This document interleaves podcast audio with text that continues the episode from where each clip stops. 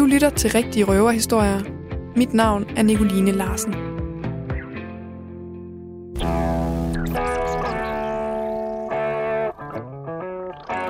Beaming out across the galaxy, this is where conspiracy on the wild side meets the perspective of a lifetime. This is the Free Zone with your host, Freeman. Her hørte du jinglen til The Free Zone, som er en podcast fyldt med konspirationsteorier, som min gæst i dag holder meget af at lytte til. Der er blandt andet et afsnit, der handler om det hemmelige okulte selskab Bilderberg, som leder hele verden. Og hvert år så mødes øh, denne her øh, lille elite, der blandt andet består af nogle europæiske kongelige, og, øh, og så selvfølgelig en masse sådan skumle mænd i jakkesæt fra øh, Washington-eliten. De mødes og, og holder hemmelige øh, møder, hvor de ligesom planlægger verdensgang. Og Bilderberg, det kan spores tilbage til Illuminati og videre tilbage til tempelridderne, det antikke Grækenland, faraovernes Ægypten og helt tilbage til civilisationens vugge, Mesopotamien, hvor sumerne boede. Og hvis man kigger på, øh, på nogle af de her lertavler, som sumerne de har lavet, jamen så kan vi se, at de har fået deres viden om, om tal blandt andet fra aliens. Så aliens, de kom altså ikke først til jorden i forbindelse med UFO-styrtet i Roswell i 1947. Nej, de har faktisk været her gennem hele historien. Og nutidens magtelite, det er faktisk i virkeligheden de selv samme aliens, som, øh, som altså har været her siden øh, sumernes tid. Eller de er i hvert fald som minimum i kontakt med de her antikke aliens.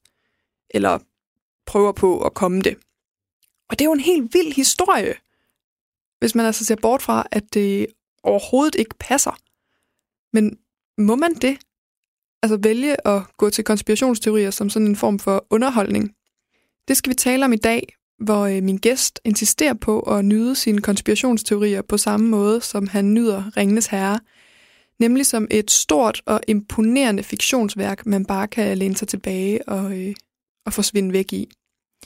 Derudover så er det også i dag, at vi tager hul på et øh, ganske særligt hjørne af konspirationsteori-komplekset, nemlig UFO'er og aliens, som jo øh, nærmest må sige at være lige så uundgåelige i øh, konspirationsteori øh, regi som øh, Illuminati og Satan er det.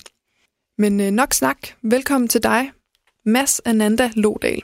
Du er forfatter, og øh, så har du beskæftiget dig relativt meget med konspirationsteorier, blandt andet i dit eget forfatterskab.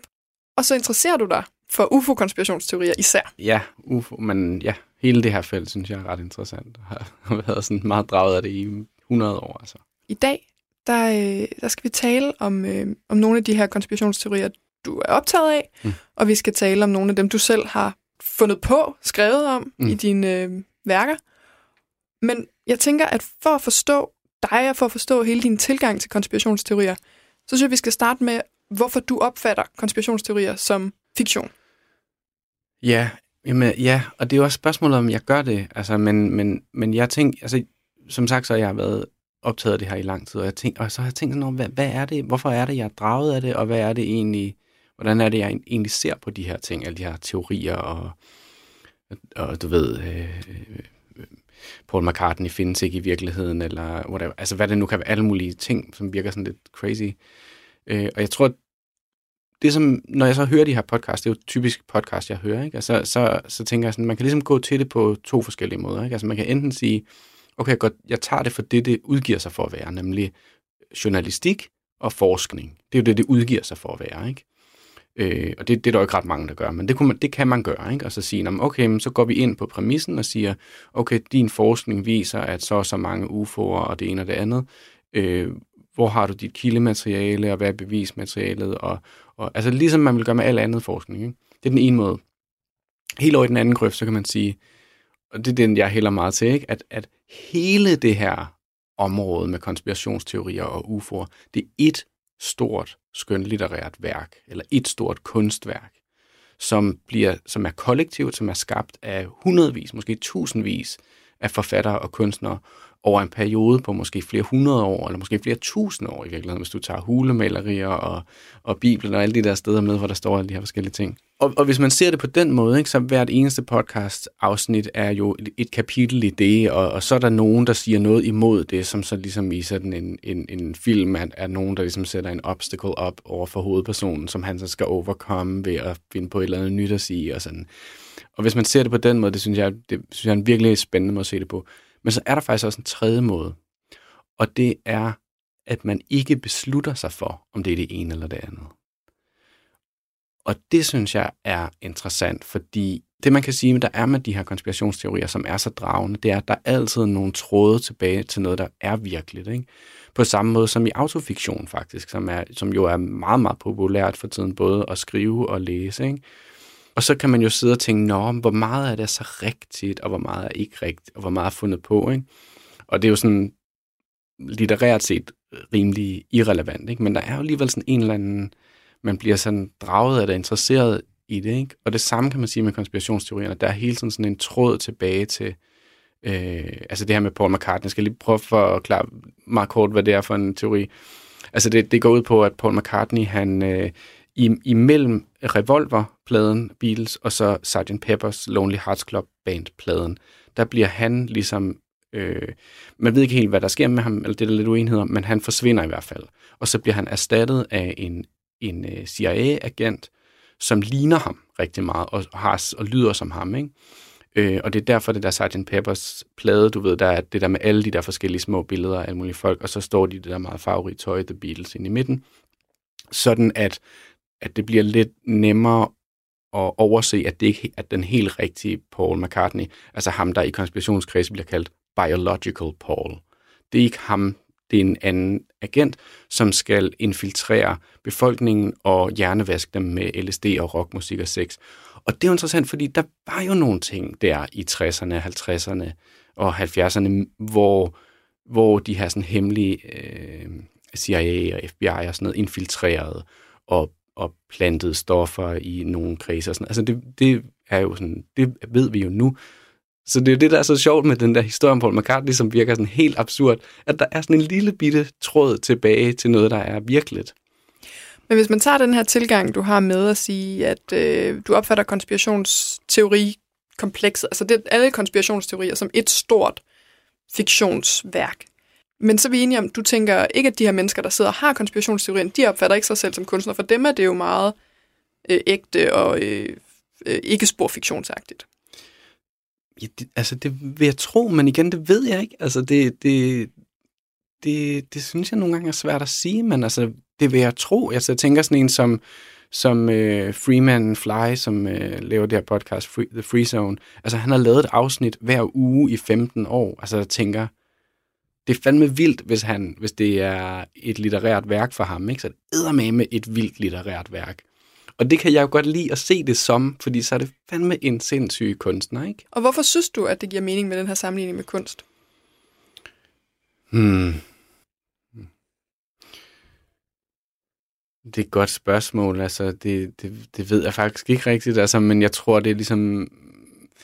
Jeg tror bare, at jeg tror bare, at jeg jeg har lyttet virkelig meget til det der podcast, og så tror jeg mere, det er sådan, over tid har den der måde at se på det på, ligesom formet sig, fordi jeg har bare, jeg har ligesom bare lænet mig ind i det, og bare lyttet til de der podcast, og ligesom bare sådan, ej, hvor vildt, og tænk sig, at det findes, og har det, er det virkelig sket?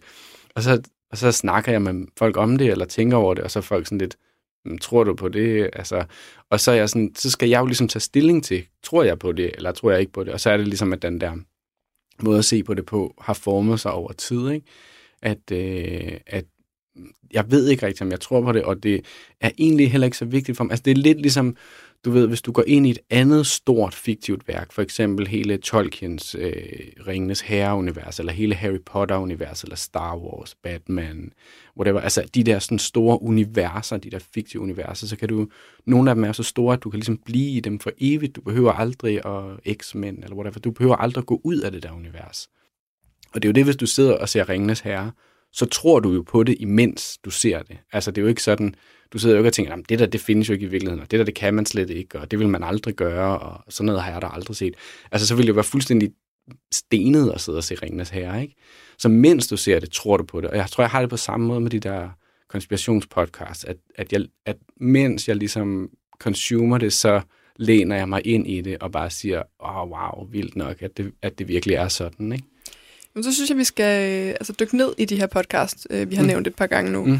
Øh, og de to, vi især skal snakke om, det er den, der hedder Open Minds, UFO Radio og The Free Zone. Kan du ikke fortælle, hvad er det for nogle podcast, og hvordan har du sådan, hvad dit forhold er til dem? Okay, lad os så starte med Open Minds UFO Radio. Det er jo, hvad hedder det, det er jo et meget specifikt omkring UFO'er, eller det man kalder UAP, Unidentified Aerial Phenomenon. Og det er sådan, det, det, altså det kommer også en gang om ugen, ikke? og så var det som regel mellem en time og to timer. Og så hele det første, den første del af hvert afsnit, det er bare øh, øh, verden Alejandro Rojas, som øh, taler med sin ven øh, Martin Willis, som også har et UFO-podcast, hvor de lige gennemgår den seneste uges, bare lige de vigtigste UFO-observationer eller nyheder.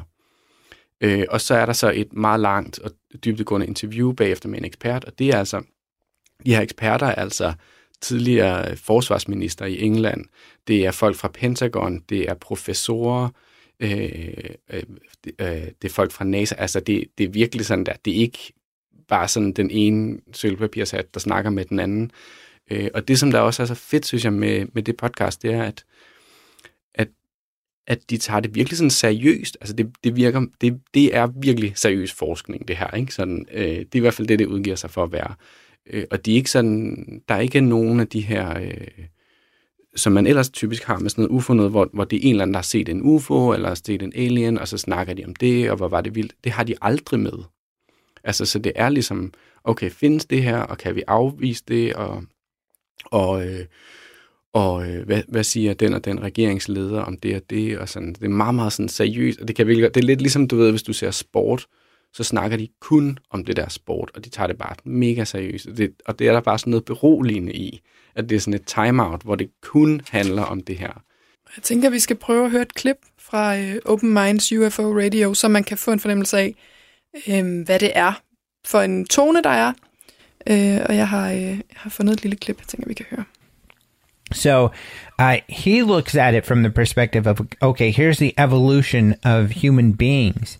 And if mm-hmm. you were to continue that evolution, you know, we would look a lot like uh, aliens that are described. Uh, he also gets into the physics and, you know, okay, if these are people from the future, what would the physics be and what would a device uh, be like that would be able to get us in the past? These are just some of kind of the bigger uh, categories of topics that he talks about. But when he breaks all of these things down, it's extraordinary in his research that he finds so many correlations and simil, simil, you know, similarities to what people describe to what, you know, the science shows would be kind of humans, uh, or the technology, the evolution of the technology and the biology.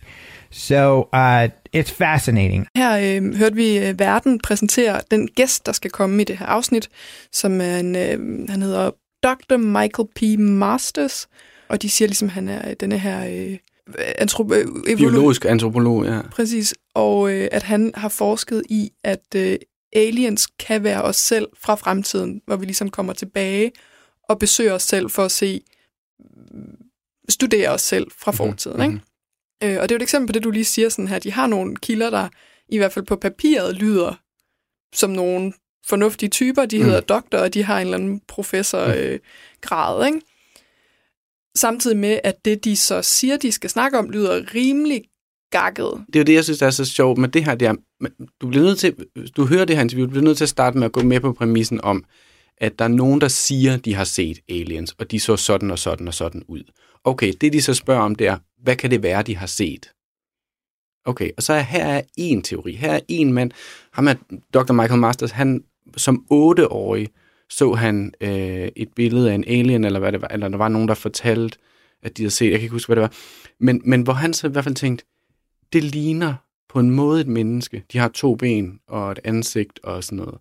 Og som otteårig, så besluttede han, for, at han ville finde ud af, hvad det var. Og så tænker han, jeg, så bliver jeg nødt til at gå, jeg gå, gå ind i noget seriøs forskning og finde ud af det.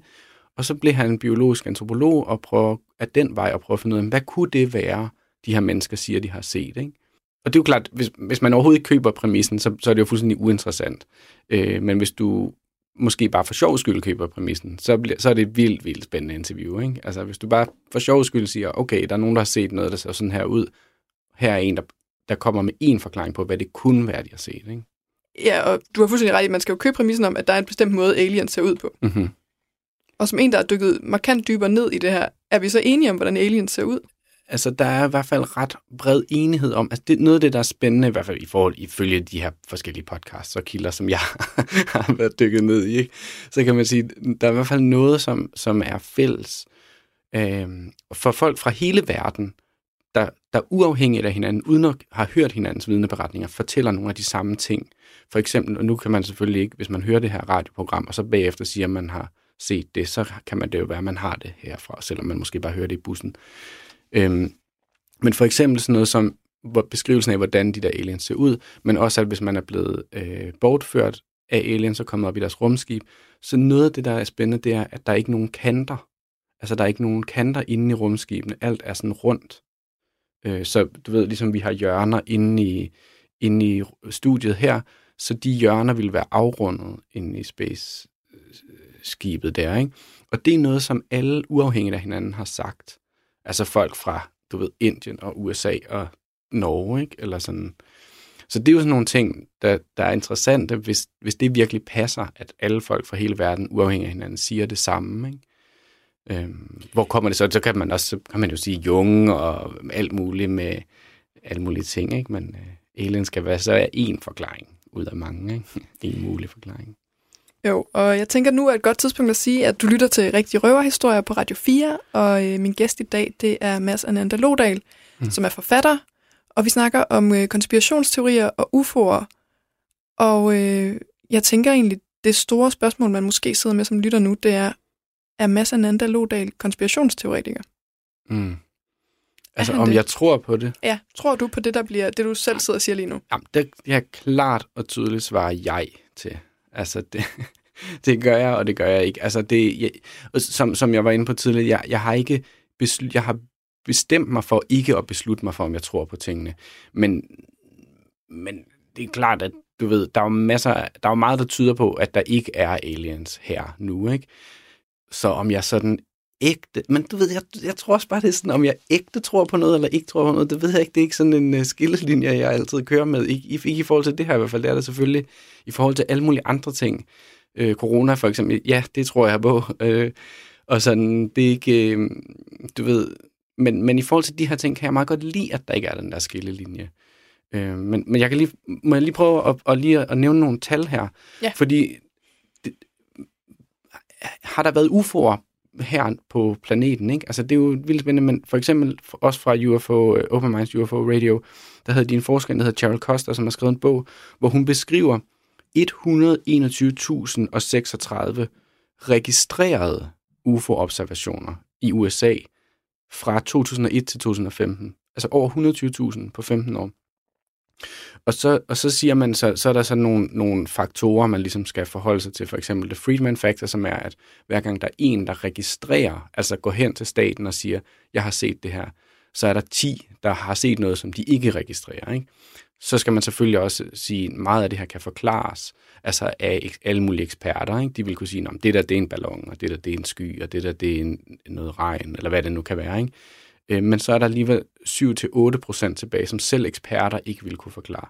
Og så ender man med omkring 90.000 egentlige UFO-observationer. Ikke? Altså det vil sige noget, som der ikke som der er nogen, der har set, som der ikke er nogen, der kan forklare. Det betyder ikke, at det er aliens, vel? Men der er 90.000 observationer, som der ikke er nogen, der kunne forklare. Og så er det bare, hvis du havde en retssag, ikke? en retssag, og der, og der er en, der siger, om det kan jeg, jeg kan ikke have gjort det der, for jeg var der ikke og der så der kommer 90.000 med vidner op og siger, vi har alle sammen set dig på det tidspunkt, på det sted, så vil han nok tabe retssagen, ikke? Men de 90.000 har jo set 90.000 forskellige ting. Så jo, jo, sige, men jeg de så har... dig i Istanbul, eller jeg så dig men de i har Norge. alle... Eller... Nej, det er alle sammen USA, ikke? Men, så, men, men det er bare sådan, det er det der med, at der er bare en meget, meget stor sådan mængde mennesker, der siger, de har set forskellige ting. Og det betyder jo ikke nødvendigvis, at der er aliens, og det betyder ikke, at de har set UFO'er og whatever. Men der er bare ting, som vi ikke ved, hvad er, som folk ser. Og det tror jeg også bare, altså, det er alle jo enige om. Der er jo alle mulige ting, som vi ikke ved, hvad er. Øh, og så tror jeg bare godt, at jeg kan lide at gå med på at sige, okay, lad os, lad os sige, at det kan være os fra fremtiden, som Michael Masters for eksempel siger, eller at det er UFO eller whatever. Men jeg tænker egentlig noget, der er meget rammende for din forståelse af konspirationsteorier, som, som, altså som værende det her mix imellem virkelighed og fantasi og øh, fiktion og fakta. Ikke? Det er jo mm. dine egne produktioner af konspirationsteorier. Mm-hmm. Altså, du udgiver jo de her øh, små magasiner, har jeg lyst til at sige, mm. så man er med på, hvad det er. Ja. Øhm, I sort-hvid, som har sådan en... Øh, som rummer to konspirationsteorier per gang. Ja. Og den, jeg sidder med her, der, der handler der om, at Whitney Houston er i live, mm-hmm. og så er der en, der handler om aliens. Mm-hmm. Og øh, her altså, illustrerer du vel netop, at konspirationsteorier er, også er fiktion. Altså sådan, du leger i hvert fald virkelig med ja. formatet, fordi når, når, hvis jeg går ned og finder den her på gaden, ikke, mm-hmm. Så tænker jeg, her sidder en bimlende konspirationsteoretiker og har skrevet det her Fedt, ja. magasin om, at Whitney Houston er i live. Ikke? Mm-hmm. Man kan sige, at jeg ser, jeg ser konspirationsteorier som en, som, en, som en kunstform, eller som en, en litterær genre, skøn litterær genre, ikke? måske. Ikke? Øhm, ja, men, men, men hvor jeg godt kan lide det, altså på samme måde som, som autofiktion, ikke? det der med, at jeg kan godt lide det der med, at det ligger et eller andet, i et eller andet krydsfelt mellem noget, der er rigtigt og noget, der ikke er rigtigt. For eksempel chemtrails, ikke? det er jo sådan en meget udbredt øh, konspirationsteori om, at flyene flyver ind over, så de der hvide striber, man kan se hen over flyene, det er sådan noget, noget støv, de drysser ned over os for. Altså blandt andet er der en, er der en teori, der handler om, at, at der er sådan et, nogen, der, et firma, der hedder Magic Leap Incorporated, som er ved at lave en, en øh, uh, CD, der ligger rundt om hele jorden, ligesom Saturns ringe, ikke? Øh, som består af digitalt støv. Øh, og når de så putter det der chemtrails, det er så noget andet digitalt støv, som drysser ned og ligger sig i os, og som også er i shampoo og deodoranter, som kommer ind i vores kroppe. Og det taler så med den der CD, der ligger rundt om jorden, så det kan optage, altså øh, recorde alt, hvad der nogensinde sker, som sådan et total overvågningssystem. Ikke? Det er en teori. Ikke?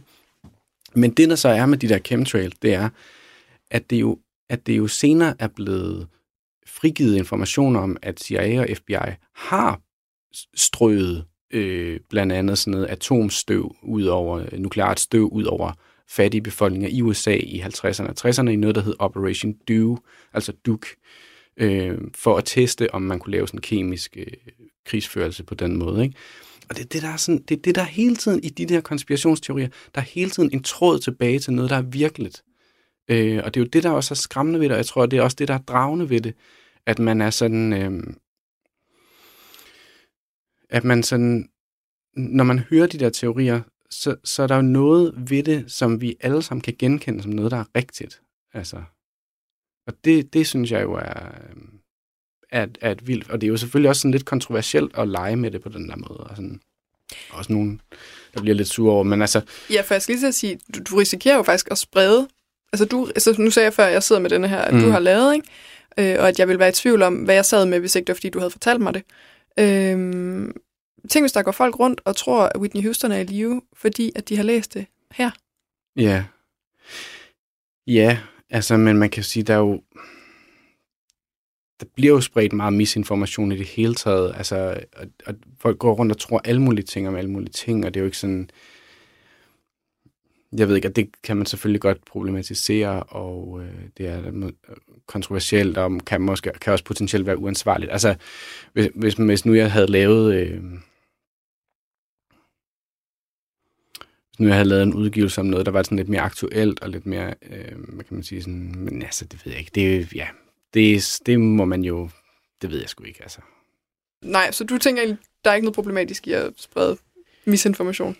Jo, Ej, det synes jeg måske også var sådan lige, lige lidt at, at twiste mine ord, men altså, øh, jeg, jeg synes, at det, jeg synes, at det er spændende at arbejde i det der spændingsfelt, hvor man er sådan lidt, øh, og det er der jo masser af kunstnere, der gør, altså hvor man arbejder i det der spændingsfelt mellem,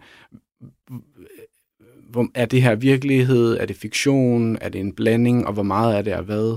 Øhm, og det er jo klart, at det kan jo godt være kontroversielt, og det kan også nogle gange være problematisk, og man kan godt nogle gange få folk til at tro på noget, som ikke er rigtigt, eller hvad skal man sige. Men, men jeg ved ikke, jeg synes, jeg synes, det er sådan rimelig ufarligt, det, det med det, jeg skriver her om, om hunden og Lassie i filmene og, og sådan noget. ja, for du sidder med en, med en anden end den, jeg sidder med. Den handler om øh, hundevalpe. Ja, hunde... Konspirationsteori om hundevalpe. Ja, nej, den, nej, men det, den er, det er faktisk, den handler om, om hunde og hundevalpe, og så mennesker, der klæder sig ud som hunde, når de har, mens de har sex. Og så, øh, og så om terror, ikke? Du lytter til Rigtige Røverhistorier. Mit navn er Nicoline Larsen. Nu tænker jeg, at vi lige skal snakke om en anden af de øh, podcast, som du, øh, ja. du har hørt meget. Ja. Ja. Øh, nemlig den, der hedder Free Zone.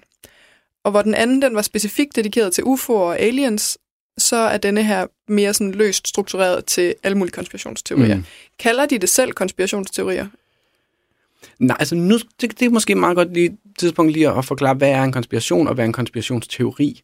Altså en konspiration er, når, nogen, når to eller flere mennesker går sammen i hemmelighed om at gøre noget, der er ulovligt eller uetisk. Ikke?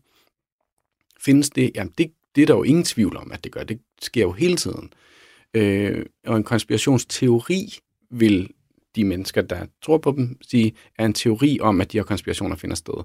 En anden definition af konspirationsteori er, at det er, kan man sige, problematiserer det lidt mere og siger, at det er noget, som er, det er teorier om, at ting hænger sammen, som sandsynligvis ikke hænger sammen. For eksempel har man sådan noget inden for filosofi, som hedder Ockhams ravekniv, som er, at som er sådan et princip om, at, det, at hvis, hvis du har flere forskellige konkurrerende forklaringer på et fænomen, så er det sandsynligvis den mest simple forklaring, der er den rigtige.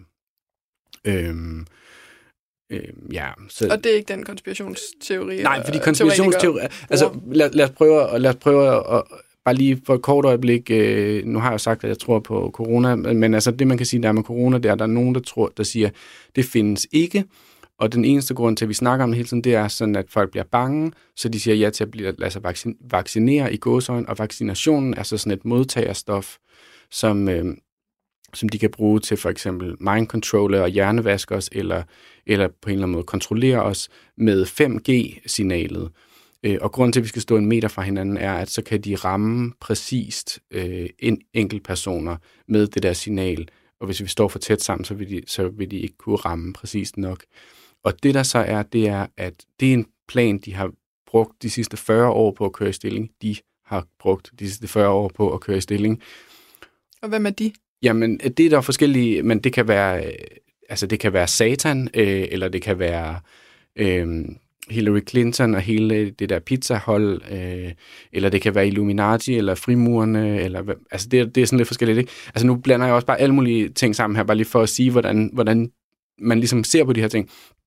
Og det, der så er, det er, at Trump, han er den, der er kommet fra at redde os alle sammen fra det der. Han er den, der er kommet fra at afsløre alle de der konspirationsteorier.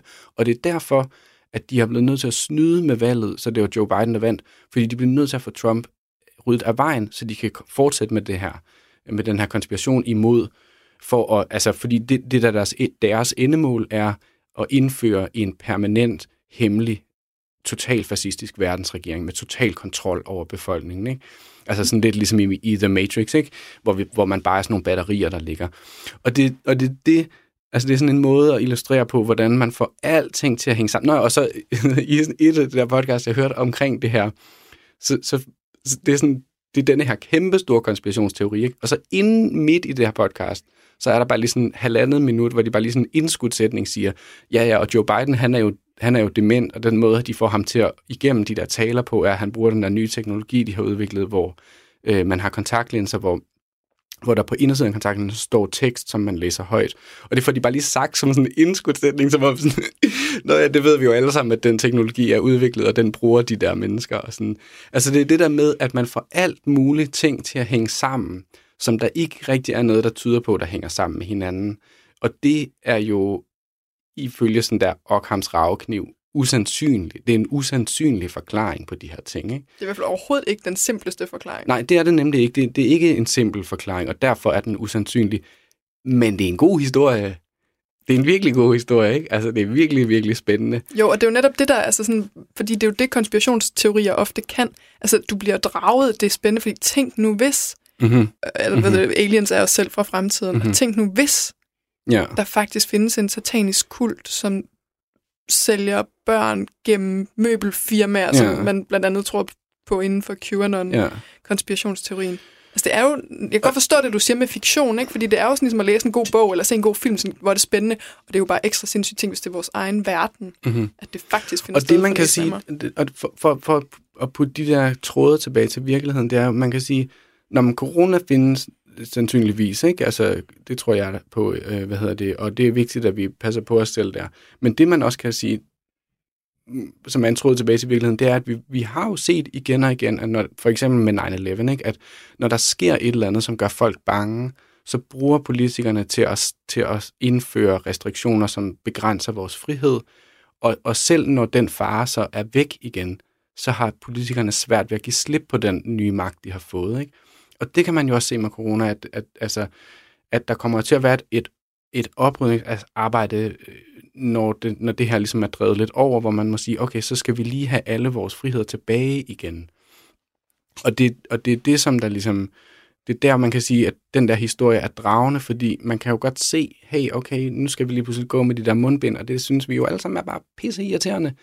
Øh, men man kan sige, der, der er bare hele tiden sådan nogle i de der, i de der konspirationsteorier, er der hele tiden sådan noget, hvor man tænker, det der, det kan jeg godt forstå, folk bliver draget af, eller det der kan jeg godt forstå, øh, at der er en tråd tilbage til noget, der på en eller anden måde giver mening for folk. Ikke? Nu tænker jeg, at vi skal prøve at høre lidt af det program, der hedder øh, Free Zone, hvor de snakker om forskellige, og, og det kom jo faktisk, øh, det var en lang øh, detur, vi tog i forhold til det spørgsmål, som var, kalder de det selv konspirationsteorier mm. i det her program. Mm.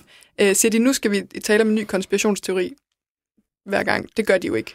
Nej, det gør de ikke. Altså, det, det, de præsenterer det som forskning, ikke? Altså, øh, Freeman der, som uh, Freeman Fly, tror jeg, han hedder, han præsenterer, at nu har jeg den her gæst i studiet, der har skrevet den og den bog, og, og ved alt om det der og det der og sådan noget, ikke? Og jeg, vil, altså, jeg bliver nødt til lige at spille introen, for den synes jeg virkelig Den var er så fed. Ja, den kommer her. Beaming out across the galaxy, this is where conspiracy on the wild side meets the perspective of a lifetime. This is the Free Zone with your host, Freeman. Hello and welcome to the Free Zone. Ja, det er da et program, man har lyst til at høre, det kan jeg da godt forstå. Helt vildt. Han har masser af fede videoer også og sådan noget, så ser han også bare nice ud og spiller i sådan en syre rockband. Altså, det var, han er bare sådan en fed character. Nå, men nu tænker jeg, at vi prøver lige at høre et, øh, et klip fra selve programmet, mm. hvor, øh, hvor de snakker om, øh, om den teori, de skal tale om den Mm. dag. Because we are here, Stefan. We are in this insane asylum and we're looking around us. And I mean, we're pretty certain that a quarter of the people around us, you know, 25% of the people around us are actually psychopaths. Would you agree with this? Yeah, uh, well, you know, 25% seems to be high. You know, most researchers place them at like, you know, 2 to 5%. But if you factor into account the number of what are known as secondary psychopaths or created psychopaths, people that learn to become psychopaths because that's how soci- society taught them how to behave, then certainly we're up to 25% of the people around us are psychopaths. And that's a really bad situation to be in. Ja, det gæsten siger her, det er, at øh, øh, det, først så siger verden, at øh, 25 procent af verdens befolkning er psykopater. Mm. Og så siger gæsten, at øh, det kan jo virke som et højt tal, og det er jo også noget højere Fedt. end, øh, Ja. end øh, det normalt anslået. Øh, men at hvis man tager øh, højde for de øh, øh, created psychopaths, altså folk, Mhm. dem, dem, som er skabte, Ja.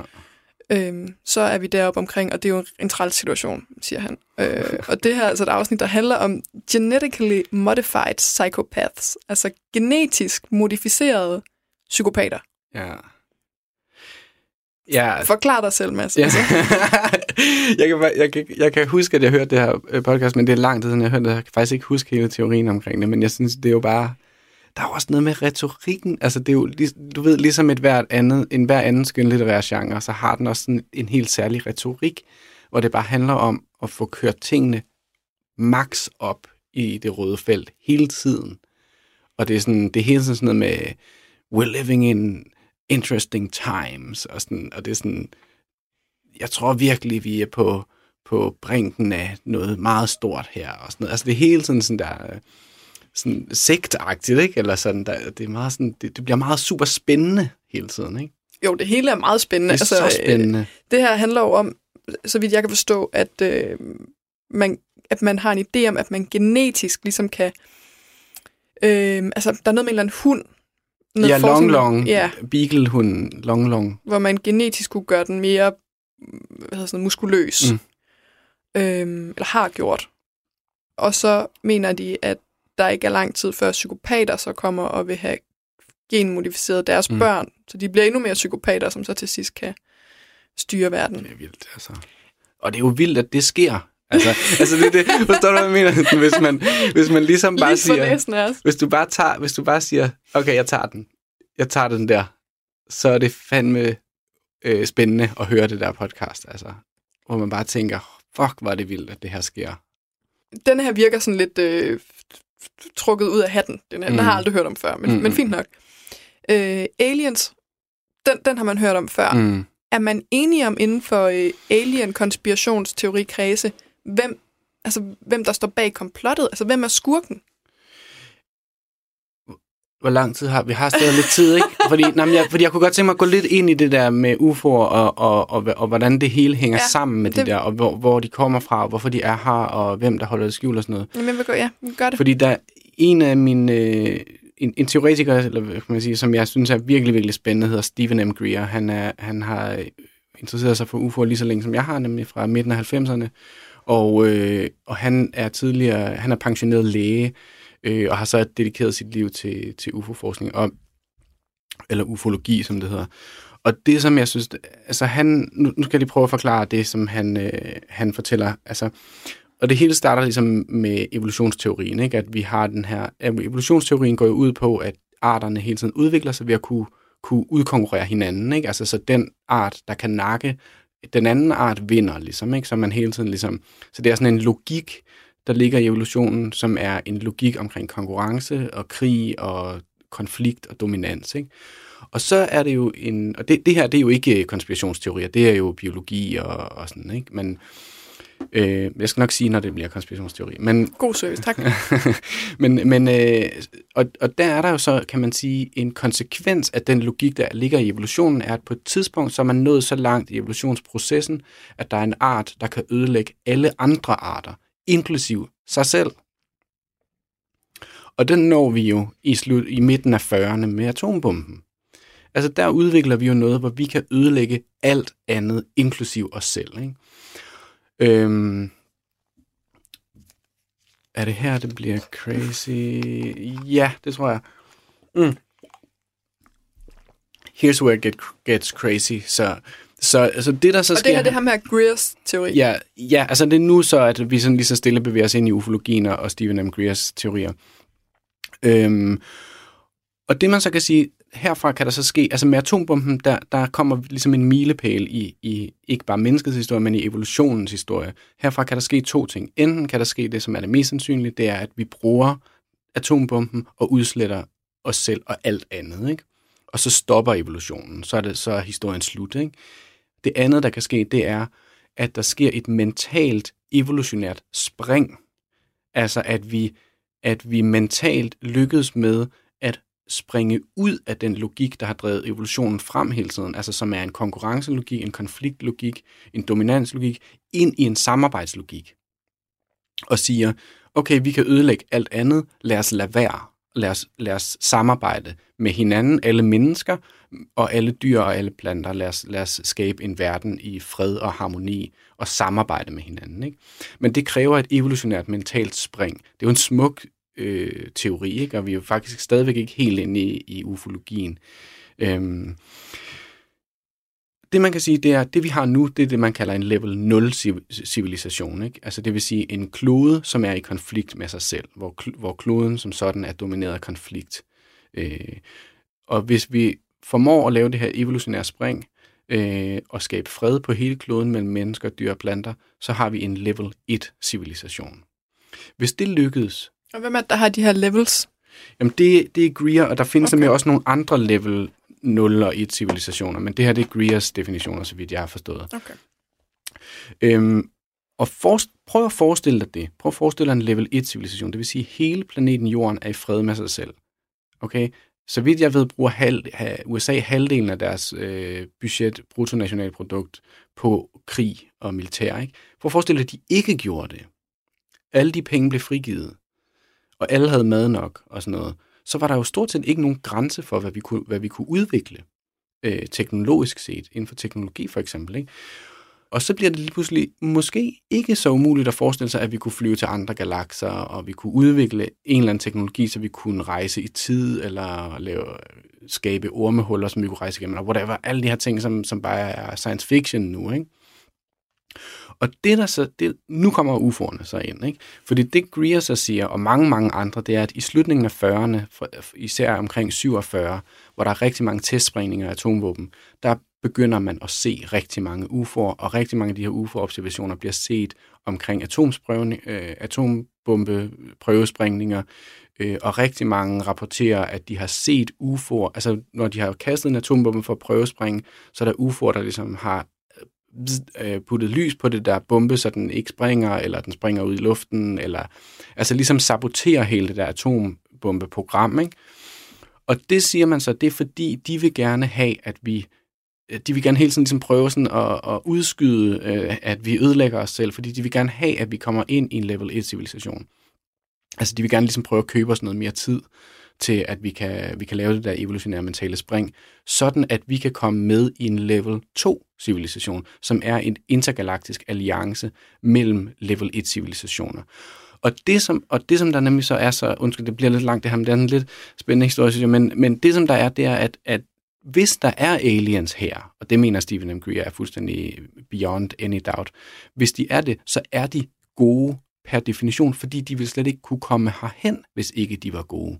Fordi en level 0 civilisation, som er vores, som er baseret på imperialisme og krig og konflikt, vil slet ikke kunne nå at, at udvikle sig teknologisk så meget, at man kunne rejse så langt. Men en level 1 civilisation vil kunne gøre det.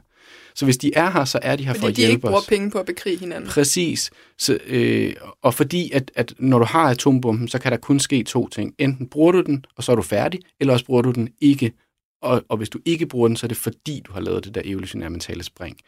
Og det synes jeg bare er det er sådan en spændende teori, og så er der, der er alle mulige, så, så forgrener den sig ud i alle mulige forskellige øh, retninger, og, og der er alt muligt omkring, at at de kommer jo selvfølgelig, altså det er klart, at hvis man kommer fra en anden galakse, så er man jo ikke kommet hertil med benzin. Altså så har man jo en anden teknologi om en anden energiressource. De kommer jo med benzin, vel?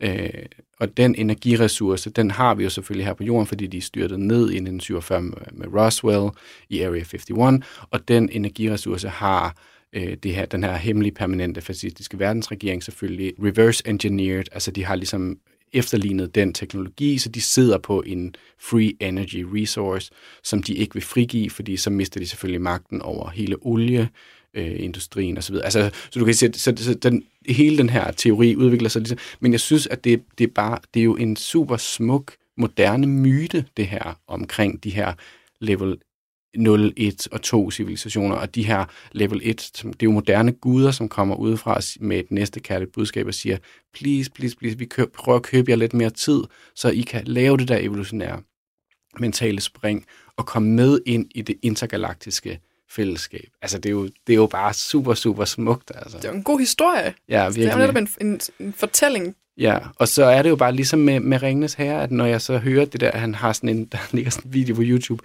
som er fire timer lang, hvor han snakker, uden at holde nogen som helst pauser om alt det her.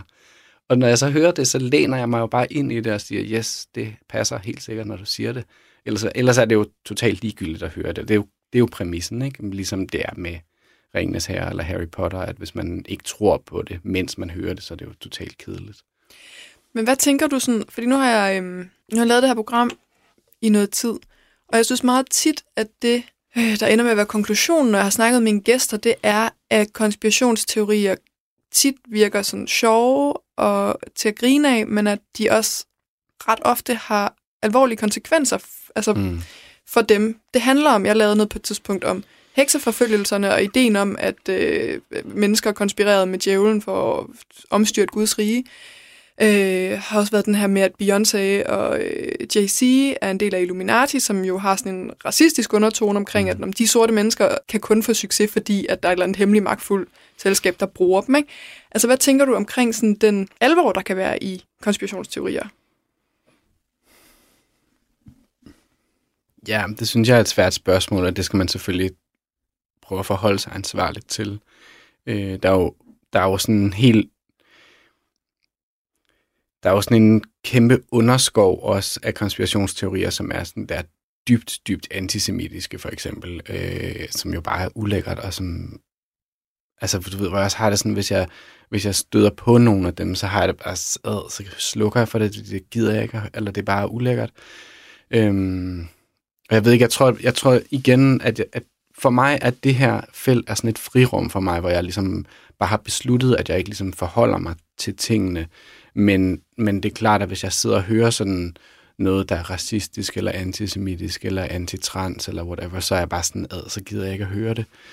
Øhm, men, men det er jo rigtigt, man, man er jo sådan, som med alt muligt andet, altså skal man jo hele tiden forholde sig til, at der er en etisk dimension i det. Men det er måske også noget af det, der er med lige præcis UFO- og alien-teorierne, øh, at de på en eller anden måde kan synes som et frirum, fordi de ikke sådan umiddelbart er... Det er jo relativt ufarligt, ikke, kan man sige. Eller så er der sådan en som David Icke, som mener, at aliens er, er sådan nogle reptilians, nogle shapeshifters, som er jøder, ikke? Eller sådan, hvor det bliver sådan, ej, stop.